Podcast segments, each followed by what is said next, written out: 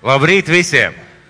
Svētīt jums ikvienam šo dienu. Mēs šodien esam sanākuši kā draudzi kopā, lai kalpotu Dievam, lai klausītos no Dieva, lai slavētu, lai pielūgtu Dievu, lai pateiktos Viņam un lai gatavotos Kristus dzimšanas svētkiem. Šeit mums priekšā deg jau četras svecītes. Ko tas varētu nozīmēt? Ziemassvētku laikā, tad, kad piedzima Kristus, neviens negaidīja un neviens nekurināja svecītes. Cilvēki gaidīja Jēzus piedzimšanu, bet neviens nedizināja svecītes un neskaitīja pirmā, otrā, trešā, ceturtā adventa. Šodien mēs tā darām un mēs uh, it kā gatavojam sevi, it kā gatavojamies Ziemassvētkiem. Un pie durvīm jau, jāsaka, tiksim tā, tiešām klauvē jau pēc nedēļas nepilnas mēs svinēsim Kristus dzimšanas svētkus. Un mans ieteikums, kad jūs runāsiet ar kādiem cilvēkiem un vēl, novēlēsiet kaut ko šajos svētkos, uh, vismaz es personīgi izvairos no vārdiem priecīgus uh, Ziemassvētkus. Es vienmēr cenšos pateikt priecīgus Kristus dzimšanas svētkus. Jo, manuprāt, tā ir pareizā īstā vēsts, un mēs nedaudz, nedaudz tādā veidā palīdzam cilvēkiem atgriezties pie tā, ko tad nozīmē Ziemassvētki. Un jūs ziniet, ka uz Ziemassvētkiem baznīcās skan dievkalpojumi, jeb sprediķi par Ziemassvētkiem, par Jēzus bērniņu, par viņu nākšanu, par to, ko tas nozīmē mums. Un jūs ziniet, ka burtiski pēc nepilnas nedēļas būs pārpildītas baznīcas, pilns ar cilvēkiem, pat tie cilvēki, kuri parasti neiet uz baznīcu. Viņi noteikti būs Ziemassvētku dievkalpojumā, jo tā ir laba un brīnišķīga lieta, ko cilvēki nolēmuši darīt. Uz Ziemassvētkiem visi uz baznīcu. Pēc Ziemassvētkiem neiet uz baznīcu. Žēl, bet tā vajadzētu, lai tā nav. Un mēs šodien, runājot par Ziemassvētkiem, mēs atcerēsimies Dieva apsolījumus. Ziemassvētkiem Kristus piedzimšana nenotika tā no zila gaisa. Pēkšņi atnāca, pēkšņi piedzima, pēkšņi Dievs deva vēsti. Nē, Dievs daudz un daudzkārt pirms tam caur praviešiem, caur saviem kalpiem, caur saviem kalpotājiem bija runājis un devis šo apsolījumu. Apsolījumu, ka piedzims, vienreiz piedzims Mesija, jeb pasaules glābējs. Dievs daudzkārt skaidri bija pateicis un pravietis Jesei, kad viņš pravietoja, ka caur jauno piedzims dēls, tiks dots dēls. Es domāju, ka viņš pats nesaprata, jo cilvēciski tas nav saprotams.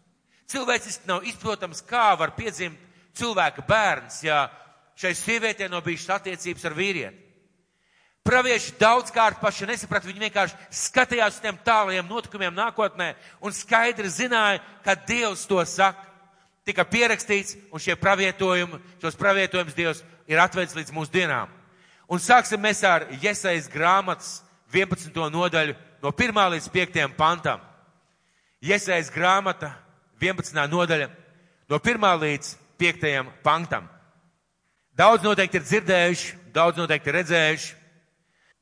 Iesais grāmatu 11. nodaļa no 1. līdz 5. pantam. Un svētie rakstīja, svētais gars to rakstiem saka tā. Zars riesīsies no izsai cēlma, un atvase no viņas saknēm nesīs augļus.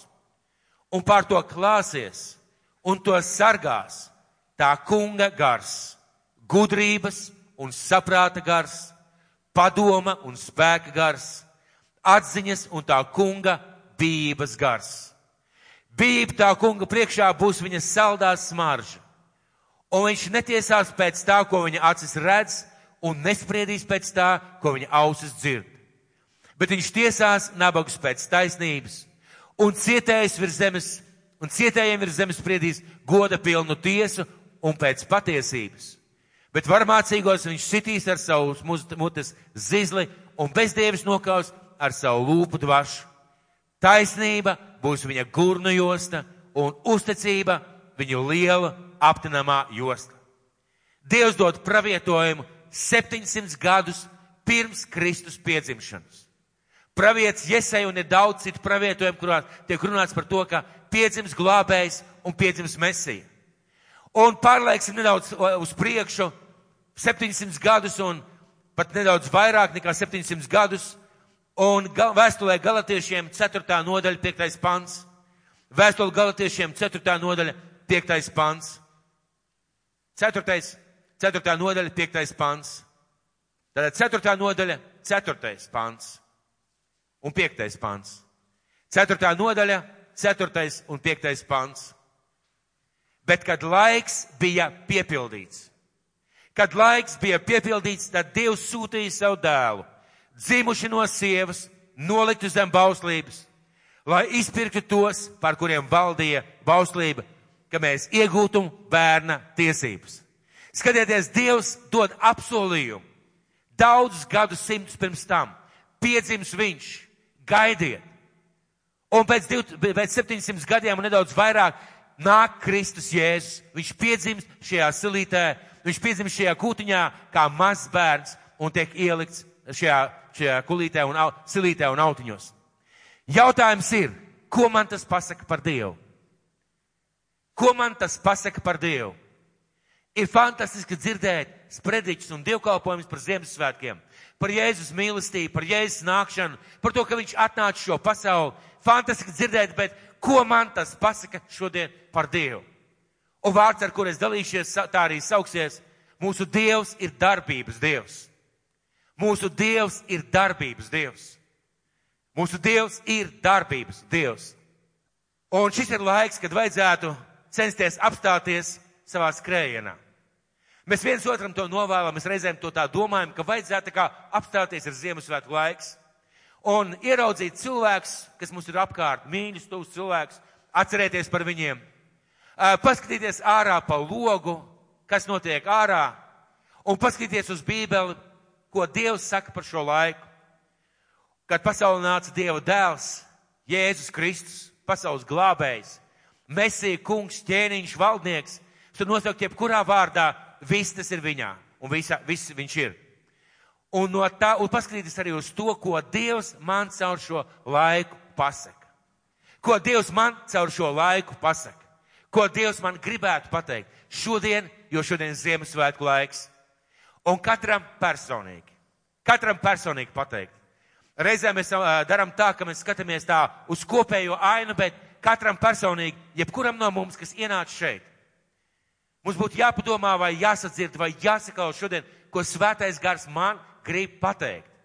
Un ja Dievs ir darbības Dievs, tad uzdot sev kādus jautājumus, par kuriem es minēšu pašās beigās. Un Salmans mācītājs, Salmans mācītājs, trešajā nodaļā, pirmajā pantā saka tā. Salmans mācītājs, trešā nodaļa, pirmais pants. Katrai lietai ir savs nolikts laiks, un katram īstenošanai paredzētam nodomam zem debesis ir sava stunda. Kas pateica šos vārdus? Kas pateica šos vārdus? Mēs zinām, ka Salmans, jā? Ja? Bet kas caur Salmanu runāja? Tas bija debesis un zemes radītājs. Tā personība, kas radīja visumu. Tā personība, kas nosauc zvaigznes vārdā un salika viņus savās vietās. Tā personība, kura teica, lai top un zeme tap. Lai top dzīvnieki, lai top zāle, lai top koki, kas iepūta cilvēkā dvašu, kas radīja pasauli un ved pasauli uz kādu konkrētu mērķi. To pateica šī personība. Tas nozīmē, ka laiks, laiks ir viņa rokās un ka viņš kaut ko veido laikā ka viņš kaut ko veido šajā laikā, kuru mēs ar tevi dzīvojam un kuru tu dzīvo savā dzīvē. Un mēs zinām, kā Dievs izveidoja gada laikus. Dievs izveidoja tā, ka cilvēks piedzimst un cilvēks aiziet. Dievs izveidoja tā, ka koks, pat koks, lielie rasnie un spēcīgie ozo 300, 400, 500 gadus, bet vienā mirklī beidzās viņa laiks. Dievs iekārtojas tā, ka pilsētas, impērijas, valstis ir bijušas un aizgājušas pazušanā, lai arī cik viņas spēcīgas nebūtu bijušas. Kāpēc? Jo Dievam visām lietām ir savs laiks, un ir ļoti svarīgi ieraudzīt, ka Dievs darbojās laikā, bet Dievs darbojās manā laikā, jo es dzīvoju šodien šeit, un tu dzīvo šodien šeit. Mēs varam lasīt par baznīcas notikumiem un vēsturi, mēs varam lasīt par impērijām, par kariem, bet visās šajās vēstures stāstos iekšā ir cilvēki, cilvēku dzīves, likteņi un notikumi, un ir tik svarīgi, tik svarīgi, lai cilvēks būtu savu laiku piepildījis ar to, ar ko Dievs vēlējās piepildīt. Tas ir ārkārtīgi skatīgi, svarīgi. Šodien daudziem cilvēkiem ir priekšstats, kā Dievs to visu radīja. Kad Dievs to visu radīja, iedarbināja, palaida kā pulksteni, uzgrieza, mūžīgo dzinēja un pats sēž uz mākoņa maliņas un skatās, kā tas notiek. Vai varat iedomāties, kā tas ir? Dievs visu radīja, visu izveidoja, pats šitā apsēdās un tagad šūpo kājas uz mākoņa maliņas un skatās, kā viss notiek. Daudziem cilvēkiem ir tāda sajūta. Daudz cilvēku tā dzīvo, un daudz cilvēku pat zinot, ka tā nav. Vienalga izvēlās tādā veidā dzīvot. Bet mēs, Dievu bērni, mūsu Dievu cilvēkiem, mūsu ticīgiem, kas esam aicināti zināt to, saprast, izdzīvot to mūsu dzīvē, ko Dievs mums ir devis un aicinājis darīt mūsu laikā, un pastāstīt citiem par to. Liela daļa no tiem, kas šodien šeit sēž, mēs esam ticīgi cilvēki, un mēs zinām, ka Jēzus Kristus piedzima uh, Betlēmē, tika guldīts silītē, sāmos, sienos, sienām. Mēs zinām to stāstu par eņģeļiem, kad eņģeļi atnāca, bet mēs esam aicināti zināt un saprast, ka tas bija laiks, kurā viņš piedzima, bet šis laiks ienāk mūsu dzīvē. Mēs ieejam šajā laikā, un Dievs kaut ko grib darīt. Šajā Ziemassvētku laikā Dievs kaut ko grib darīt. Daudz tā nedomā, un mums ir jāpastāst viņiem, un tas arī ir jāpasaka. Un šeit arī šajā Ziemassvētku laikā mums vajadzētu apstāties un padomāt, ko man šis laiks saka, ko man šis laiks māca, un ko man šis laiks grib pateikt, ko Dievs man ar to šo laiku grib pateikt. Lai pārdomātu par to, kas mēs esam starp šīm divām Kristus atnākšanām. Jūs ziniet, e, mēs runājam šodien par pirmo Kristus atnākšanu, par viņu piedzimšanu. Bet mēs zinām, ka tikpat skaidri svētie raksti saka, ka būs vēl otrā Kristus atnākšana. Un mēs dzīvojam pa vidu. Mēs dzīvojam tajā laikā, kad mūs jau ir iespaidojis pirmā Kristus atnākšana. Un mēs dzīvojam tajā laikā, kad vajadzētu mūs iespaidot, mūsu dzīvi iespaidot un kaut kādā veidā vadīt skaidrība par Kristus otro atnākšanu. Pirmajā atnākšanā, ko mēs šobrīd atceramies, mēs zinām, ka Jēzus piedzima kā mazs bērniņš. Mazs, nevarīgs bērniņš, un uh, tika uh, ielikts silītē, atnāca gan, pielūdz. Uh, parasti to zīmē karteņās, taisa kādus maketus un izskatās brīnišķīgi un jauki un zvaigznītes un eņģeļi un vispārējais. Dabā noteikti tā nebija. Bet, bet tas vēl nav viss. Mēs zinām, ka Kristus nāks otrais un ka tad viņš nāks jau kā kungs un kā glābējs. Bet tas nozīmē, ka šajā laikā viņš kaut ko dara. Ja viņš piedzim kā bērniņš un nāks kā kungs un kā glābējs, tas nozīmē, ka viņš šajā laikā kaut ko dara. Viņš pavisam savādāks būs nekā viņš varbūt bija tajā laikā. Un Ziemassvētku laiks ir līdzīgs fotografijai. Līdzīgs fotografijai mums mājās pie sienas karājas mūsu dēlu fotografiju kur viņš kā mazs puisēns, varbūt pusotra gadiņa, stāv uz laukos pie sienas, un viņš tāds smaidīgs un priecīgs un jauks. Lieliski redzēt šo fotogrāfiju. Lieliski redzēt šo fotogrāfiju un atcerēties, un atcerēties to laiku, kad viņš bija tāds maziņš, jauks, pūkains, vienmēr smaidīgs, ka viņš izgāja laukos ārā un pirmais darbiņš, ko viņš izdarīja, uzvilka gumijas zābutiņus, kā manis jau stāst, un aizgāja un noglaudīja visas kāpostu galviņas. Dārzā aug kāpostu, piegāja noglaudīja visas kāpostu galviņas. Brīnišķīgi, pareizi. Un Ziemassvētku laiks ir kā šī fotografija, kurā mēs redzam, kāds izskatās šis te puisēns vai mūsu tuvais cilvēks. Mums visiem ir tādas bildes, visiem ir tādas fotogrāfijas, pareizi? Visiem ir. Un tad mēs atceramies šo fotogrāfiju skatoties, mēs atceramies, kāds viņš bija tajā laikā, ko viņš darīja, kāds bija sajūts, kā es par to visu dzīvoju, kā man tas patika, kā es to izdzīvoju, fantastiski un brīnišķīgi. Bet ir vajadzīgs saprast un ieraudzīt, ka tas cilvēks, kas toreiz tajā fotografijā joprojām ir saglabājies, viņš ir pavisam cits cilvēks. Viņš dzīvo citu dzīvi. Viņam ir citas vērtības, viņam viņš dara citus, pavisam citus darbus. Un mēs nevaram Ziemassvētku laikā palikt pie šīs fotogrāfijas. Mums ir jāiet uz priekšu, jāredz, kā izskatās šobrīd tās personības dzīve, ko mēs svinam un par ko mēs atceramies Ziemassvētkos. Kāpēc? Kāpēc? Kāpēc tādā veidā mēs nedrīkstam palikt? Kāpēc mēs kā Dieva draudz nevaram palikt pie tā, kāds Jēzus bija toreiz? Kāds viņš bija jauks, skaists, brīnišķīgs bērniņš? Jo Bībelē, Bībelē Dievs saka pats par sevi, jo katram nolūkam un katrai rīcībai viņam ir savs nolikts laiks. Tas nozīmē, ka bija laiks, kad Jēzus piedzima kā bērniņš, bet šodien ir laiks, šodien ir laiks, kad Jēzus Kristus, tas pats, kas gulēja silītē, kaut ko dara. Kaut ko dara tavā dzīvē, manā dzīvē un šajā pasaulē. Viņš kaut ko dara. Nelaim tā, ka cilvēki šodien ir saglabājuši fotografiju. Fotografiju, kas izpaužās Ziemassvētku pirkšanās priekā, apdāvināšanās priekā, jingle bell un jingle bell dziesmaņās, skaistās, brīnišķīgās, labās lietās. Bet tas ir tikai ietinamais papīrīts. Tā ir tikai fotografija no pagātnes, bet tas dziļākais saturs, tas dziļākais saturs ir uzticēts mums ar jums, mīļā Dieva draudz. Šis saturs ir uzturēts, uzticēts mums, un mums ir jānes tālāk šī vēsts. Slava Dievam, ka Dievs nav stacionārs, ka Dievs nav nemainīgs un ka Dievs nav tāds, ziniet, kā kādreiz, kā es teicu, ka cilvēki iedomājas, ka Dievs sēž uz mākoņu maliņas, skatās, viņš skatās uz tavu dzīvi, šūpo kājas, Ai, ai, ai. Ai, ai, ai, Jāni, kā tā vieta. Nu, nu, saņemies, saņemies. Vai, vai, vai tev, Iva, vai tev, Egija, vai vēl kādam. Nu, malacis, malacis, tu varēsi. Es zinu, tu varēsi. Malacis. Traki būtu, ja mums būtu tāds Dievs, pareizi. Ja mēs tur kultos, paši ņemtos, cīnītos, un Dievs mūsu dzīvē neko nedarītu.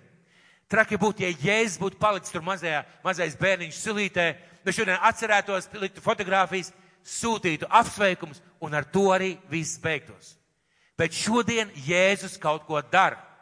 Viņš kaut ko veido un dara viņš mūsu dzīvē un apkārtnē. Mēs Dievu bērni, domājot par debesu valstību, ka mēs ejam debesu valstībā, un ka mēs domājam par savu lomu šajā debesu valstībā, mēs bieži vien šo debesu valstību un savu dzīvi debesu valstībā iedomājamies šādi. Lai Dievs man piedod, ja kāds to tā nedomā un ir pilnīgs šalom. Sveika pasaule! Jēzus ir ar mani. Es esmu debesu valstībā, viņš mani aizsargā. Un es tā pagriežu uz otriem sani, tāds pilnīgs šalom. Pilnīgs miers. Nekas nav jādara. Spilventiņš ir laba lieta, tikai savā reizē un savā laikā. Bet, kad mēs ienākam debesu valstībā, mums liekas reizēm, ka mēs, ka viss notiek tur ārā. Viss notiek tur ārā. Mūsu dzīve ir tā kā siltumnīcā. Jēzus ir kopā ar mums. Vētras, negaisa, viss pārējais ir ārā. Mums jābūt vienmēr šalom, mums jābūt vienmēr mieram, vienmēr jābūt kārtībā. Un tad daudziem cilvēkiem ir milzīgs pārsteigums. Kad viņš ienāca Dieva valstībā, Dievs viņu aicina kaut ko darīt. Darboties kādās lietās, darīt kādas lietas, kalpot kopā ar viņu. Un uh, šī sajūta daudziem ir tāda, ka Dievs mūs aicina aktīvā darbībā, mums ir milzīgs pārsteigums. Daudziem ir pilnīgs šoks. Es taču atnācu pie Kristus, es atnācu pie Dieva, man jābūt ir pilnīgam mieram, pilnīgam šalom, absolūts miers, pilnīga aizsardzība. Bet izrādās ir cīņas, izrādās ir jākaro, izrādās ir jāstrādā pie sevis, Izrādās, kaut kas ir jādara šajā draudzē un šajā valstībā, šajā valstī. Izrādās, kaut kam ir jātiek pāri, un tad ir milzīgs pārsteigums un brīnums. Bet ko Kristus pateica? Šalom jābūt jums iekšā. Tam mieram jābūt iekšā sirdī, dvēselē, tavā dzīvē, tavā pārliecībā, bet tas, kas notiek no ārpuses, esi gatavs. Esi gatavs būs vētras. Un tas nebūs negadījums tavā dzīvē. Zini, kāpēc? Tāpēc, ka Dievs kaut ko dara. Viņam nav atpūtas laiks tavā dzīvē. Dievs kaut ko dara tavā dzīvē. Un tajā mirklī, kad tu šajā absolūtajā šalomā, ka tev spilventiņš skaisti spiežās pie vaiga, ka tev liekas, ka ārprāts kaut kas ar mani nav kārtībā, jo ir kaut kādas cīņas, kaut kas jādara, kaut kas jārisina. Tajā laikā Dievs tevi māca, ka nu nav tāds šalom ka kaut kas ir jādara, ka debesu valstība ir aktīva darbošanās. Zini, kāpēc? Jo mūsu Dievs ir darbības Dievs. Viņš nepārtrauc darboties. Viņam ir ko darīt, un viņam ir ko darīt gan tavā dzīvē, gan gar savu dzīvi. Un tad, kad tu sāc kaut ko darīt, tad ir stress un satraukums. Es taču biju domājis, ka es iegāju Dievu valstībā. Iegāju gan. Kristus ir tevī, svētais gars ir tevī. Bet kāpēc cīņas? Tāpēc, tāpēc, ka mēs kaut ko darām. Tāpēc, ka mēs esam aicināti kaut ko darīt. Bet ir cilvēki, kas mēģina un mēģinājuši dzīvot šajā te mierā. Ar spilventiņu. Un tad, ziniet, no spilventiņu uz spilventiņu. Un tad ir cīņas, tad ir uzbrukumi, tad ir kaut kādi gari atnāk, tad vēl kaut kas. Un pret visu ir jācīnās, pret visu ir jākaro, jo visur nav miera. Nelaime tā, ka tu nekad neesi domājis, ka Dievs kaut ko dara tavā dzīvē. Ka Dievs kaut ko dara manā dzīvē. Ka Dievs kaut ko dara šajā pasaulē. Un izrādās, ka tā nav. Jo kāpēc? Vai jūs ticat, ka Pāvils bija Dieva vadīts cilvēks? Apostols Pāvils. Dieva vadīts, Dieva svētīts, visas gara dāvanas, lūdz mēlēs, zem ļaunos garus ārā, pareizi. Bet kāpēc tad viņa vēstulēs tādas interesantas frāzes?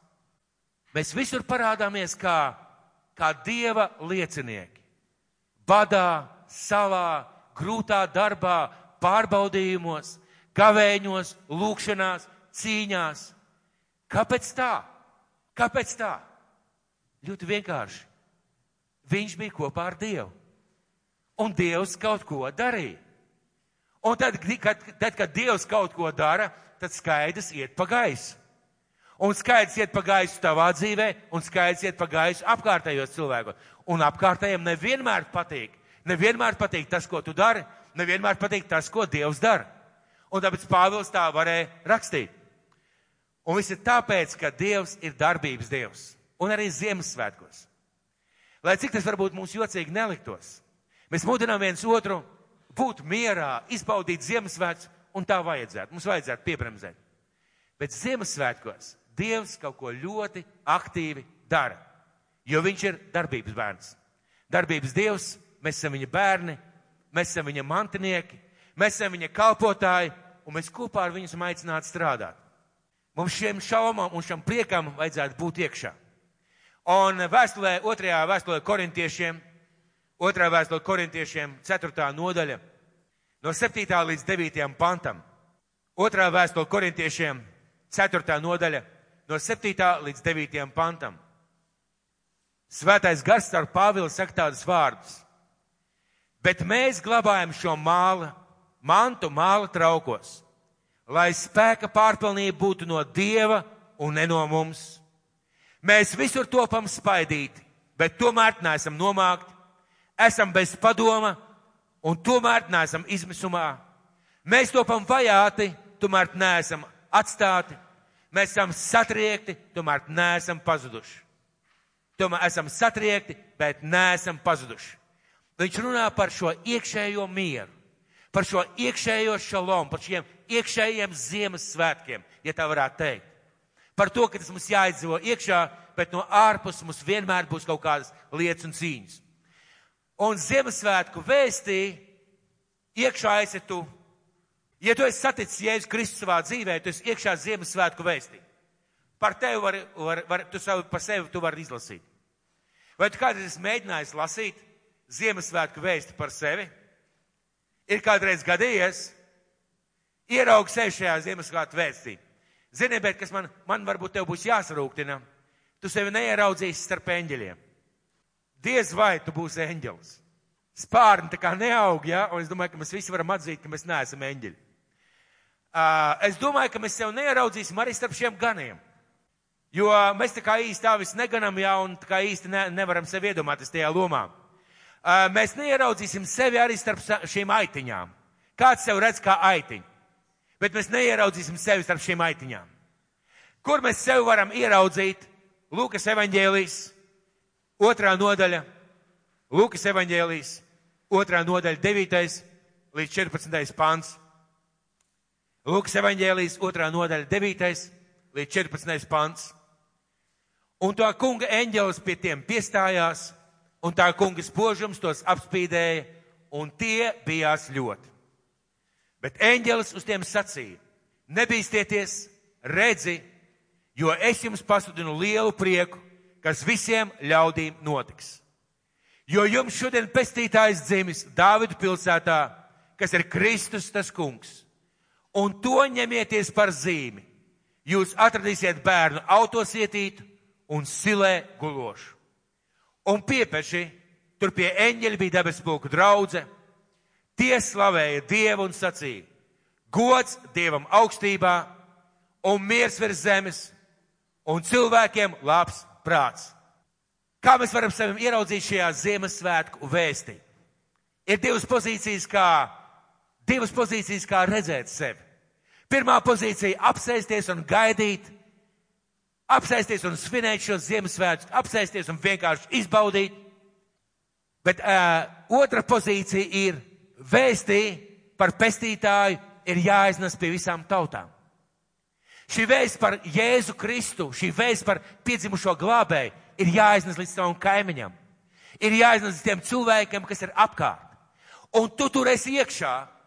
Ja es nevienā mirklī nebiju domājis, ka tiks proklamēta viņa piedzimšana, un tad vienkārši viss pats par sevi notiks.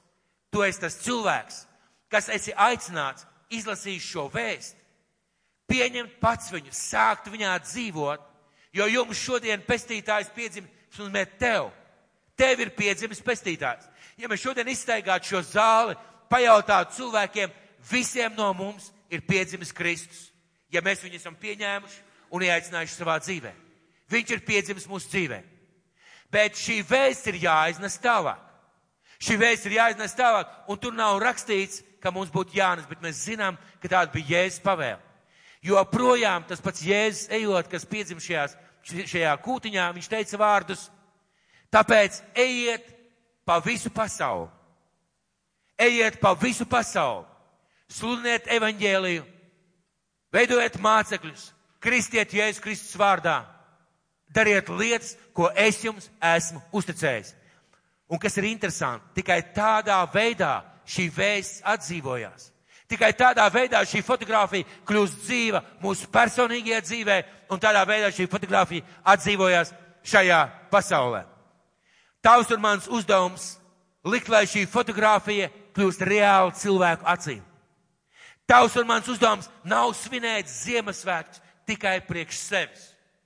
Mēs dziedāsim, mēs svinēsim, mēs pateiksimies, bet mans un tavs uzdevums ir likt šai fotografijai, uz ko cilvēki šobrīd pasaulē skatās, kļūt dzīvai, reāli sākt darboties, reāli atdzīvoties. Un tas nav animācija, kas mums būtu jātais. Caur mūsu dzīvi, caur mūsu liecībām, arī caur šiem Ziemassvētkiem mums jāliek šeit bildē atdzīvoties, kļūt reālai. Lai cilvēki apstājās un ierauga, ka Ziemassvētki nav priekš kāda cita, bet arī priekš viņa. Tas ir mūsu uzdevums. Un 14. pants, kā man viņš patīk. Gods Dievam augstībā un miers virs zemes un cilvēkiem labs prāts. Padomāsim, kā šie vārdi piepildās. Šajā frāzē, ko eņģeļi teica, ir trīs lietas. Gods Dievam augstībā. Kā piepildās gods Dievam augstībā? Tavā dzīvē un cilvēku dzīvē. Kā tas piepildās? Divi varianti. Debes tēvs, paldies, ka es esmu tavas valstības pilsonis. Man ir brīnišķīgs šalom. Viens variants Vai otrs variants, ka tu pieņem to savā sirdī un dzīvē un ej stāsti cilvēkiem. Un ej dalies ar to cilvēkiem. Jo ko nozīmē gods Dievam augstībā? Kad ir gods Dievam augstībā? Kad mēs cilvēki atzīstam Dievu par Dievu. Kad mēs pieņemam viņu kā Dievu. Kad mēs atzīstam viņa dēlu Jēzu Kristu par Dieva dēlu un dodam viņam godu. Tad ir gods Dievam augstībā. Un ja ir gods Dievam augstībā, tad ir miers Dievam ar cilvēku un vienam ar otru. Ja mēs dodam godu Dievam augstībā, tad ir miers mums ar Dievu un miers vienam ar otru. Un ja mums ir miers vienam ar otru, tad ir miers. Tad ir prieks. Tad ir debesu valstība. Pareizi. Un kā tas var piepildīties? tavu tuvinieku, tavu radinieku, tavu kaimiņu, mūsu zemes Latvija, Latvijas vidū. Kā kā tas var piepildīties tavu eh, darba biedru vidū?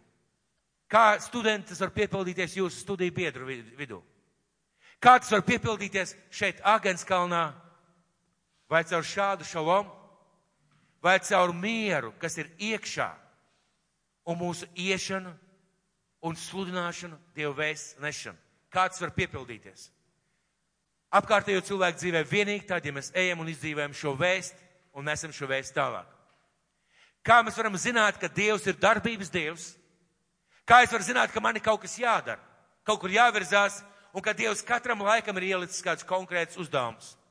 Uh, var domāt, ka Dievs ir kā visu radījis un palaidis, bet tā nav taisnība. Mēs esam ne tikai radīti, ne tikai Dievs visu ir iedarbinājis, un viņš nesēž tās mākoņu maliņas un neskatās. Pirmkārt, tā ir liecība mūsu dzīvē. Kad tu piedzīvoji Kristu, notika radikālas pārmaiņas, pareizi? Kad tu piedzīvoji Dievu, ielaid viņu savā dzīvē, sāka kaut kas notikt.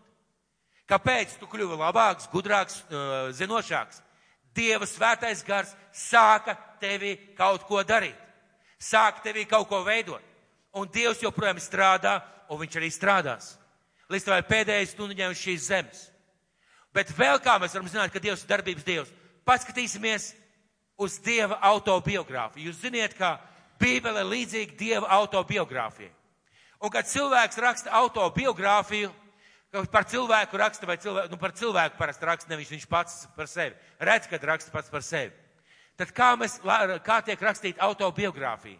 Autobiogrāfijā tiek nu pieminēti notikumi, situācijas, cilvēki, kas bija šim cilvēkam blakus.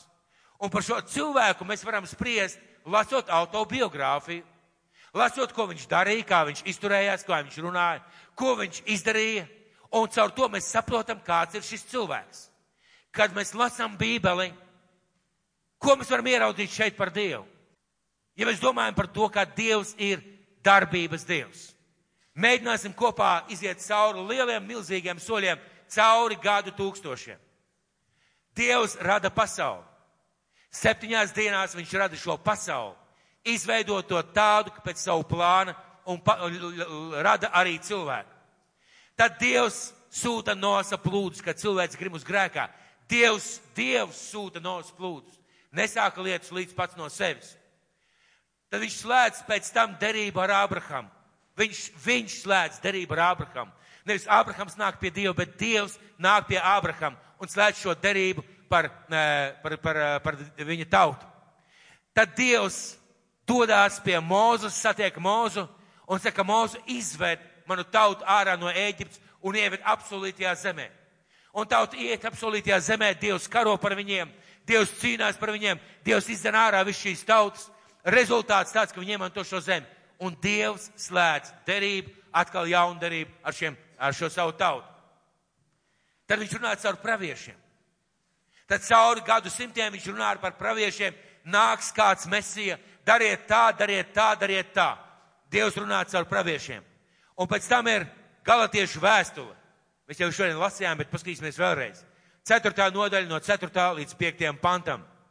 Bet, kad laiks bija piepildīts, tad Dievs sūtīja savu dēlu, dzimuši no sievas, noliktu zem bauslības, lai izpirktu tos, par kuriem valdīja bauslība, ka mēs iegūtum bērna tiesības.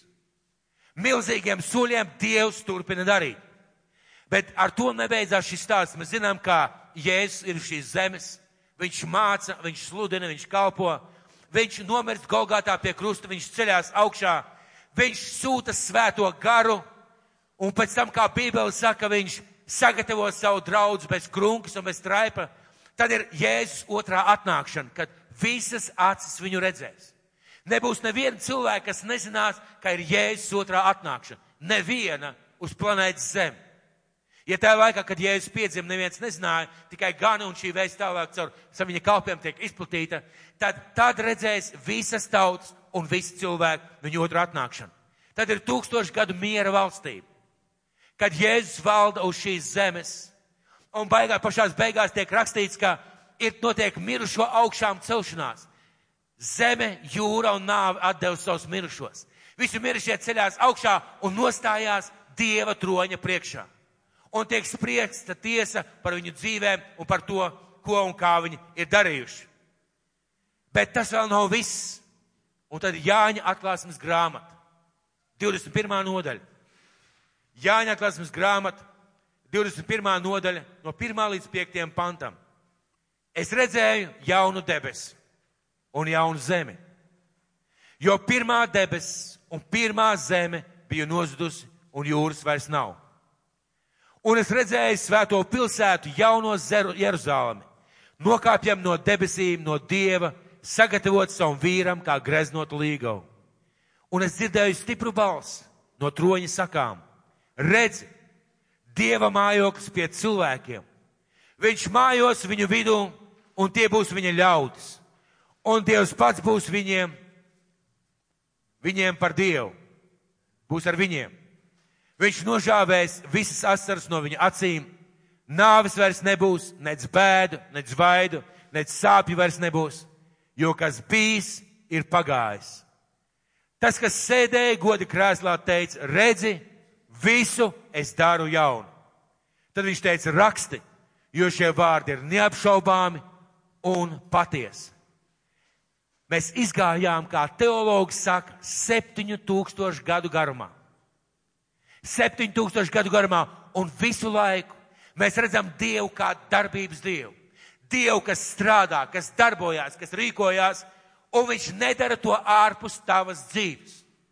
Tu neesi maza skrūvīte vai punktiņš Dievu vēsturē. Tu esi konkrēta personība, konkrēts Dieva cilvēks, konkrēts Dieva kalps, aicināts konkrētiem darbiem konkrētā laikā. Dievs ir darbības Dievs. Tas nozīmē, ka mums ir gēnos būt darbības cilvēkiem. Mums ir gēnos kaut ko darīt šajā pasaulē. Mēs esam aicināti šo šalomu izdzīvot šeit iekšā un Ziemassvētku vēst. Turēt sev iekšā nepārtraukt. Nevis uz Ziemassvētkiem vai uz Lieldienām, bet nepārtraukt. Tu esi viņa bērns. Un tas ir mūsu aicinājums. Mēs esam viņa mantinieki. Mēs esam viņa instrumenti un viss ir ieplānots. Viņš ir aicinājis mūs par darbības cilvēkiem. Ziemassvētku vēsts skaidri to atklāja. Ziemassvētku vēsts skaidrāk par skaidru to pasaka. Tas nenotiek pats no sevis. Tas nenotiek pats automātiski. Tas nenotiek vienkārši tā kā palaidu un viss notiek. Mums, Dievu bērniem, ir uzdevums šim stāstam likt atdzīvoties. Un kāds teiks, es varbūt neesmu rakstnieks. Es nemāku filmēt filmas, es nemāku fotografēt, esmu vienkārši cilvēks. Tieši tā, tu vienkārši esi cilvēks. Esi aicināts, lai šī fotografija tavā dzīvē ir dzīva, un lai šī fotografija ir dzīva citu cilvēku dzīvēs. Nes šo vēst, sludināt šo vēst un darīt šo vēst. Jūs ziniet, šodien mums būs fantastisks pasākums, par ko mēs esam lūguši Dievu. Mums vakar bija tukumā Ziemassvētku pasākums bērniem. Es nedaudz gribētu pateikt par to, kas tur bija. Bija dāvanas kā parasti, bija teātris kā parasti, bija cilvēki kā parasti, mēs tur bijām kā parasti. Ziniet, kas bija neparasts? Dieva laiks un Dieva vieta. Tie cilvēki, kurus Dievs tur saicināja tika uzaicināti Tukuma rajona, ja Tukuma pilsētas slimnīcas darbinieki ar bērniem. Vadītāja, eh, ārsti, daudziem izrādījās no tiem uztrauc cilvēkiem, tur bija ģimenes ārsti, tur bija māsiņas, tur bija tās, kas rūpējas par viņu bērniem, tur bija tās, kas viņiem špricē, tur bija arī kāda māsa no citas draudzes, kas arī strādā šajā slimnīcā. Bija cilvēki no invalīdu biedrības, no šīs biedrības līdzvērtība. Bija cilvēki no skolas, dažu meiteņu bērnu mammas, un ziniet, kas bija skaisti. Dievs strādāja. Šī slimnīcas vadītāja ar asarām acīs pateicās šai uh, lienītei viena iemesla dēļ. Viņa teica, mums nekad neviens neaicina. Mums jau daudzus gadus nekas tāds nav noticis. Brīnišķīgi, ka jūs mūs atcerēties un zini, kas notika. Šis stāsts šo cilvēku dzīvēs sāka atdzīvot. Tas nepalika vairs tikai Ziemassvētku stāsts lielveikalā par dāvaniņu un ko var uzdāvināt. Par atlaidēm. Šis stāsts nepalika šo cilvēku dzīvē vienkārši kā stāsts, kas vienkārši izskanēja un viss. Es ticu, ka kādu cilvēku dzīvē šī fotografija atdzīvojāt, jo teica cilvēki ne tikai paldies, bet teica cilvēki, mēs nāksim uz alfas kursu. Mūs tas interesē un mēs gaidām, ka cilvēki tur nāks, ka tur būs diezgan daudz cilvēku, kur nāks. Kāpēc? Jo Dievs gribēja, lai mēs tur esam, un mēs tur bijām. Vai tas bija vienkārši? Nu, galīgi nē. Bet mēs tur bijām. Un šodien šeit ienāks cilvēki. Pūkstens četros, pūkstens četros būs pasākums, par kuru mēs jau lūdzām, mēs vēl lūgsim par šo pasākumu. Tātad bērnu Ziemassvētku pasākums. Un kas ir interesanti, atnāks cilvēki.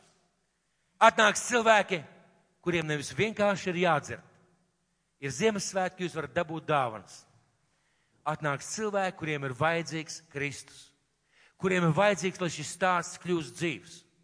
Kuriem ir vajadzīgs, lai Dieva svētais gars pieskarās viņiem. Un zini, kas vēl ir vajadzīgs? Lai tu būtu blakus tiem cilvēkiem. Ja tu plāno, kad beigsies dievkalpojums, doties projām, lai Dievs tevi svētī, bet tev ir jāzina, tas ir tavs laiks. Tas ir tavs laiks. Ļoti iespējams, ka daudz no šiem cilvēkiem mēs nekad vairs nesatiksim. Ļoti iespējams, ka tā ir vienīgā varbūt iespēja šo cilvēku dzirdēt vēsti par Kristu. Ļoti iespējams, ka šiem cilvēkiem tas ir vienīgā, vienīgā varbūt tāda iespēja, ka pie viņiem pieiet normāls kristietis un parunā par Dievu un parunā par Ziemassvētkiem. Kā to pasakā, lai jums veicās, lai jums izdodās, varbūt par jums vajag Dievu aizlūgt. Es vakar neizturēju un nedaudz liecināju par sevi. Un ziniet, ko es teicu tiem cilvēkiem? Es teicu, jūs aicinām uz alfas kursu un mēs runāsim par Dievu, par Dievu lietām. Un tad es nedaudz emocionāli aizkustināts teicu tā, ziniet, 25 gadus atpakaļ es sēdēju pie galda un svinēju dzimšanas dienu ar alkoholu. Un ienāca viena sieviete un pajautāja, puiši, kā jūs domājat, vai Dievs ir? Esmu pārliecināts. Tas bija cilvēks, kas bija Dieva vietā un Dieva laikā. Tu esi šeit, lai būtu Dieva vietā un Dieva laikā. Un kad Jēzus runāja kad Jēzus runāja un mācīja par savu valstību. Viņš 5. nodaļā no 14. līdz 16. pantam, Kalnas vētrunā, kā jūs zināt, viņš teica tādus vārdus. Jūs esat pasaules gaišums. Pilsēta, kas stāv kalnā, nevar būt apslēpta. Pilsēta, kas stāv kalnā, nevar aiziet projām, kad nāk cilvēki. Pilsēta, kas stāv kalnā, neizslēdz gaismas, kad viņi tuvojās cilvēkiem. Svets iededzinājis, neviens to neliek zem pūra, bet lukturī, tad tā spīd visiem, kas ir tanī namā. Kas aizdedzināja tavu sveci? Kas aizdedzināja tavu sveci? Kristus, Dieva dēls. Viņš aizdedzināja tavu sveci. Tava sveci šobrīd deg Dievu priekšā. Un Jēzus pats teica, neviens nepaņem sveci, nenoliek zem ķobīšu un neuzliek ķobīti virsū, bet liek gaismeklī, liek lukturī, lai visi to redz. Tas nozīmē, ka Ziemassvētku laiks, kad cilvēki labprāt nāk uz baznīcu, ir īstais laiks, kad būt kopā ar šiem cilvēkiem. Un pēdējā rindkopā. Tāpat arī jūsu gaisma, lai spīd ļaužu priekšā, kad tie ieraug jūsu labos darbus un godā jūsu tēvu, kas ir debesīs. Un es domāju, ka tas ir pravietisks vārds šai dienai. Varbūt tu teiksi, mēs daudzkārt esam cilvēkiem stāstījuši par Kristu. Mēs esam dalījuši dāvanas, mēs esam darījuši visu kaut ko, izdara šoreiz to savādāk. Pieeja parunā ar to cilvēku. Mēs bieži esam bijuši uzaicinājuši cilvēku šeit, un mēs paši esam uz skatuves, un pēc tam mēs dodamies projām. Izdalām dāvanas, paspiežam roku, dodamies projām. Šodien mums būs brīnišķīga iespēja. Es arī paziņoju, es nedaudz teikšu, bet Mēs esam aicināti palikt un būt kopā ar tiem cilvēkiem, parunāt, iedzert kopā ar viņiem kafiju, aprunāties ar viņiem. Vai tas ir Dieva laiks un Dieva vieta? Amen. Vai Dievs ir darbības Dievs? Viņš ir darbības Dievs. Un zini, kas ir? interesants. Ir pagājusi pusotra stunda kopš dievkalpojuma sākuma. Pusotra stunda. Mēs sākām 11. Un Dievs kaut ko centās darīt. Vai tu to pieņemsi? Vai tu tam piekritīsi? Vai tu dosies, kā mēs to bieži darām, skaistā un sirsnīgā Ziemassvētku šalomā? Mums ir Ziemassvētki, atpūšamies, izslēdzam sveces, no, izslēdzam gaismu, aizslēdzam durvis, un mums ir šalom. Lai Dievs mūs pasarg no tāda šalom, pareizi? Ja kāds vēlās, var padot viņam spilventiņu. Ir kāds grib? Laimons gribēja, Laimons nāca pakaļ. Bet skatieties, nepilna pusotra stunda. Un Dievs kaut ko darīja. Jautājums, vai tu ieklausījies un vai tu pieņemsi to? Un man ļoti gribētos, lai mēs Dievu bērni ne tikai zinātu par Ziemassvētkiem, bet lai redzētu sevi šajā Ziemassvētku vēstī. Lai redzētu sevi kā tie gani, kas devās Marijai pašai pastāstīt, kas tad īsti ir noticis. Un lai nestu cilvēkiem šo vēstu. Izmantosim šo laiku. Es nezinu, vai man izdevās skaists Ziemassvētkus laikas prediķis, jo parasti ir tā, gribās tādu mieru, tādu šalomu, nomierināsimies visi, atslābināsimies, jo Jēzus jau ir piedzimis un viņš visu ir izdarījis. Mūsu debes tēvs, mēs tev pateicamies, kungs, par Ziemassvētkiem. Mēs tev, kungs, pateicamies par šo brīnišķīgo, debesšķīgo, pārdevisko vēstu, ka tu sūtīji savu dēlu uz šo zemi, lai viņš piedzimtu šajā Betlēmē, lai viņš nāktu pasaulē šajā kūtiņā, lai viņš būtu šajā silītē. Bet, mīļais Kristu, mēs zinām, ka ar to šī fotografija neapstājās. Mēs zinām, debes tēvs, ka ar to tu nebeidz savu darbu. Kungs, tu beigsi savu darbu tad, kad būs jaunas debesis un jaunas zeme. Kad mēs būsim kopā ar tevi pēc brīnišķīgas, auglīgas, bagātas dzīves.